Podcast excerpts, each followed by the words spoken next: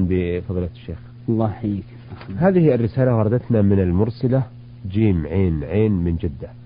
تقول آه، السلام عليكم ورحمة الله وبركاته. وبعد السلام ورحمة الله وبركاته. قرأت في كتاب درة الناصحين في الوعظ والإرشاد من تأليف عثمان بن حسن بن أحمد شاكر آه، من علماء القرن الثالث عشر للهجرة وصفا لأحوال الناس عند قيام الساعة ووصفا للجنة ونعيمها وللنار وعذابها وورد في هذا الكتاب أحاديث كثيرة.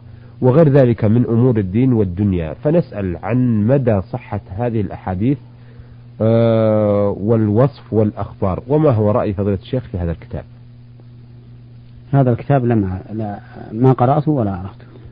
آه، سؤالها الثاني تقول أسأل فضيلة الشيخ عن حكم من كان عليها قضى صيام فصامت قبل أن تقضي هذه الأيام التي أفطرتها في رمضان. الأيام الفضيلة كيوم عرفة ويوم عاشوراء ولم تقضي صيامها بعد أفيدونا أفادكم الله. الحمد لله. الذي ينبغي للمرء أن يبدأ بالفريضة قبل النافلة. فالمشروع في حق هذه المرأة وغيرها ممن عليه قضاء رمضان أن يبدأ بالقضاء أولا ثم بالتطوع. ولو أن هذه المرأة صامت أيام التطوع الأيام التي يشرع في صيامها بنية أنها من القضاء لكان ذلك خيرا. يحصل لها فضل صيام هذا اليوم وتبرأ ذمتها بقضاء ما عليها من الصيام. نعم. وقد قلنا إن المشروع أن يبدأ الإنسان بالفريضة قبل النافلة. نعم. آه هذه رسالة تسأل عن الحداد أكثر من ثلاثة أيام لغير زوجة المتوفى. آه يقول المرسل صاد طاء عين من مدينة رابغ ما هو الحكم الشرعي في أن بعض النساء عند وفاة أحد أقاربهن يجعلن فترة الحداد أربعين يوما ولا يقمن أثناء أثناءه بالزيارة ولو لمريضة أو بالذهاب إلى حفلة زفاف وإذا حصل فإنهن يسخرن منها أي من التي تزور. الحداد المشروع الواجب هو حداد المرأة على زوجها. نعم. أما حدادها على غير الزوج فهذا لا يجوز إلا لثلاثة أيام فأقل. وما زاد عن الأيام الثلاثة نعم. فإنه حرام ولا يحل لها أن تفعل ذلك. وهؤلاء الذين يسخرون بها إذا لم تحد هم في الحقيقة محل السخرية لأن من قام بما أوجب الله عليه وترك ما حرم الله عليه فهو محل الاحترام والتعظيم والمحبة والمودة من المؤمنين. والذي يسخر منه من خالف أوامر الله ورسوله أو تعدى حدود الله ورسوله ورسوله. آه هذه رسالة من الطائف وردت من آه المستمع سين عين ويسأل عن التيمم لصلاة العيد. يقول إذا انتقض الوضوء وأنا في صلاة العيد ولم يكن هناك وقت وعدم وجود ماء في مسجد العيد فهل يجوز التيمم؟ والله يرعاكم جمهور أهل العلم على أنه لا يجوز له التيمم لأن من شروط التيمم عدم الماء وهذا ليس عادما للماء. فنقول له اذهب فتوضأ ثم احضر إلى صلاة العيد. فإن أدركت أدركتها فذاك وإن لم تدركها فقد تركتها لعذر. نعم, نعم. آه لكن على أساس أن صلاة العيد من السنن أو فألا يكون أقل من الصلاة المفروضة؟ ليست أقل من الصلاة المفروضة فيما يجب لها لأنه إذا وجبت لها الطهارة نعم. فإنه يجب أن تكون على حسب ما رسم شرعا بالماء. نعم. فإن لم يوجد فبالتيمم. لكن إذا اعتقد أو جزم بأنه لن يدرك الصلاة لأن المسجد بعيد أو منزله أيضا بعيد أو الماء بعيد نعم. وجلس خلف الصفوف ليسمع الخطبة فقط ولا يؤدي الصلاة. لا بأس لا حرج عليه في هذا. لا بأس عليه نعم في هذا. لا حرج عليه في هذا. آه هذا يسأل و... ولكن بقي نعم. علي ملاحظة وهي أنك قلت إن صلاة العيد من السنن. والحقيقة أنها ليست من السنن بل هي من الفروض والواجبات والصحيح من أقوال أهل العلم أنها واجبة على الأعيان. نعم. وأنه يجب على المرء أن يصلي صلاة العيد ولا يتخلف عنها إلا لعذر. نعم.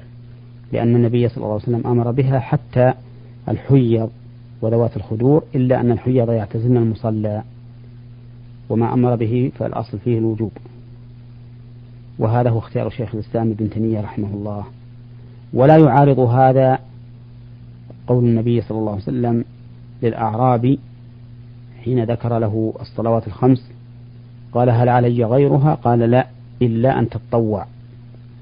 فإن صلاة العيد من الصلوات الواجبة لعارض ليست من الصلوات اليومية. أما الصلوات اليومية فلا يجب فيها سوى الخمس. وأما الصلوات لعارض فهناك صلوات آه، تجب وليست من الصلوات الخمس. نعم, نعم. آه هذه الرسالة من علي محمد أحمد ناجي اليماني ونرجو من الأخ علي أن يحاول تحسين الخط أو يكلف من يقوم بكتابة أسئلته لقراءتها على الوجه المطلوب.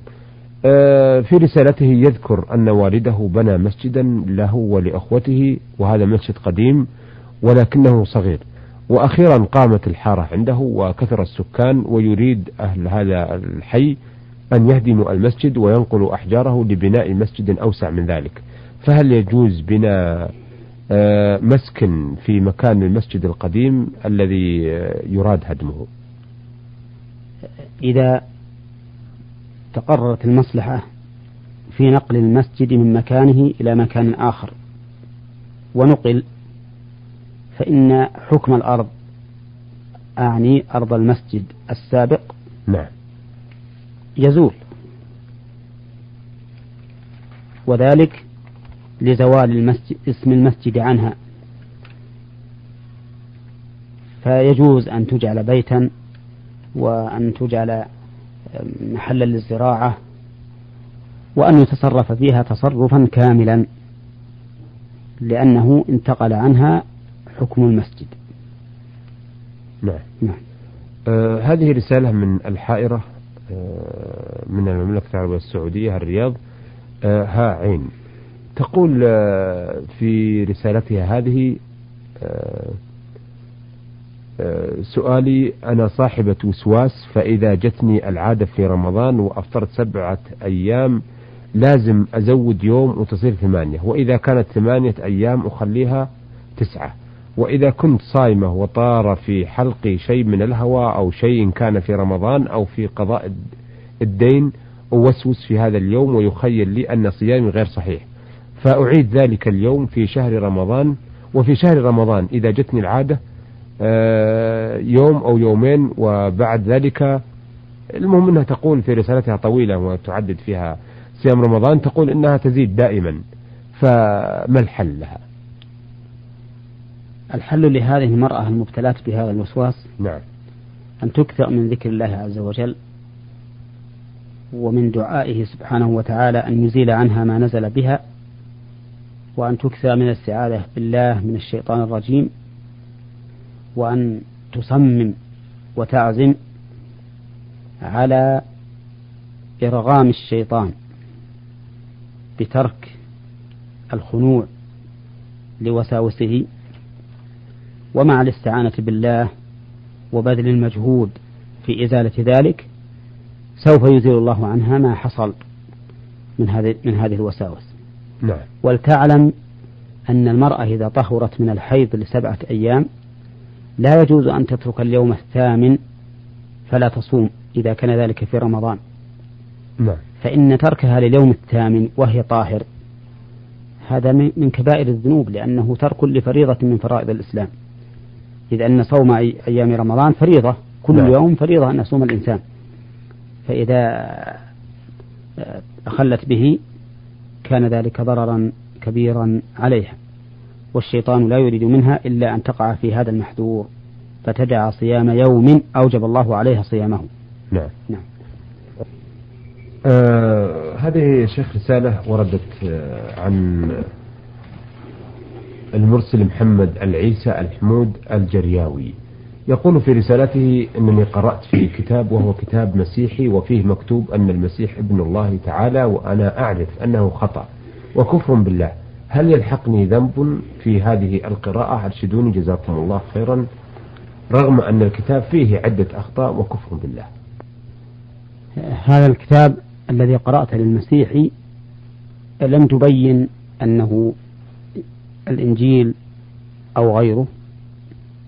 وعلى كل حال فإن الكتب السابقة كالتوراة والإنجيل قراءتها على ثلاثة أوجه.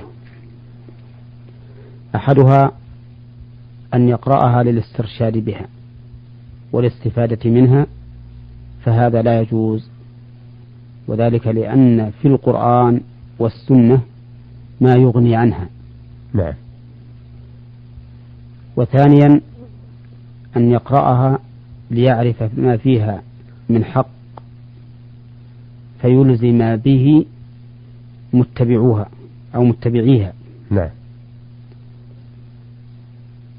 ويبين خطأهم في مخالفة ما جاء به محمد صلى الله عليه وسلم فهذا لا بأس به. بل هو مطلوب إما وجوبا وإما استحبابا. نعم. الثالث أن يقرأها لمجرد المطالعة فقط ليعرف ما عندهم. وليس لي وليس يريد أن يسترشد بها أو يهتدي بها عن القرآن والسنة ولا أن يرد على متبعيها باطلهم.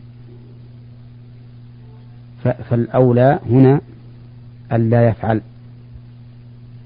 لأنه يخشى أن يتأثر بها ويجعلها مصدرا لرشاده وهدايته. نعم. آه، من محمد معطي العيسى الرياض بعث لنا بهذه الرسالة يقول أيهما أفضل تلاوة القرآن نظرا في رمضان أو محاولة ترديد سور منه لأجل الحفظ؟ الأولى أن يقرأ القرآن كله نظرا وأن يحافظ على ما كان حفظه عن ظهر قلب لئلا ينساه. نعم. وذلك لأن القرآن كله قراءته مفيدة للإنسان لأنه يمر به كل كلام الله عز وجل وينتفع بما في آياته من الأحكام والأخبار. وهذا يفوته إذا اقتصر على سور معينة كان حفظها عن ظهر قلب. وإذا لازم السور المعينة التي كان يحفظها عن ظهر قلب استفاد منها زيادة ضبطها. نعم. ولكن هذا لا يفوته إذا حرص على هذه السور التي يحفظها فقرأها في وقت آخر. لأن السور المحفوظة يمكن الإنسان أن يقرأها سواء في بيته أو في المسجد أو في أي مكان. نعم. نعم. فالأولى أن يحافظ على قراءة القرآن كله ثم يزيد بعناية آه، ما كان يحفظه عن ظهر قلب نعم.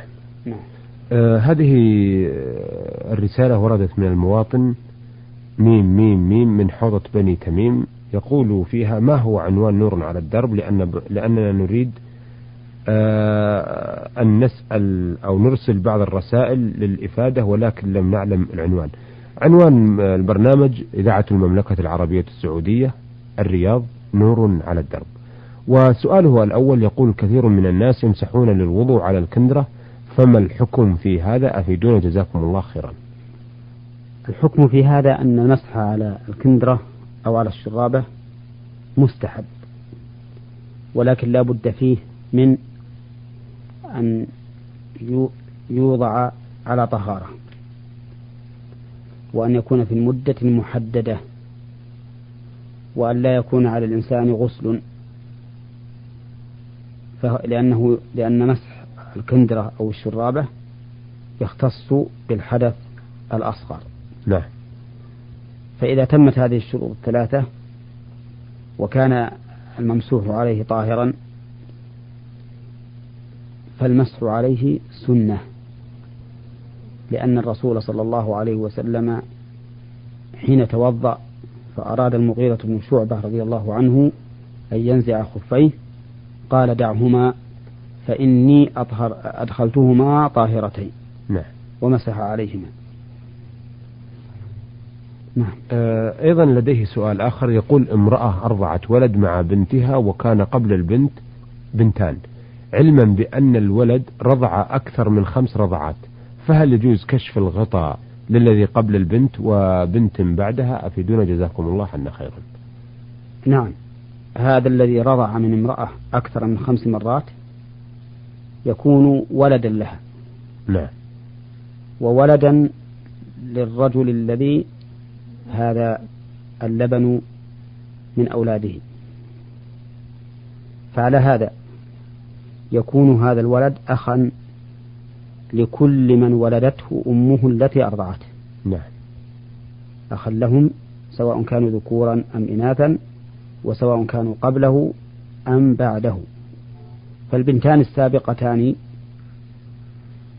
له يجوز لهن لهما كشف الغطاء. وكذلك البنت الثالثة التي بعده يجوز لها كشف الغطاء عنه. كذلك أولاد زوج هذه المرأة إخوة له وإن لم يكونوا منها. فيجوز مثلا لبنات هذا الرجل من غير هذه المرأة أن يكشفن لهذا الطفل الذي رضع من زوجة الرجل. نعم, نعم. أحسنتم أثابكم الله. أيها السادة إلى هنا نأتي على نهاية لقائنا هذا الذي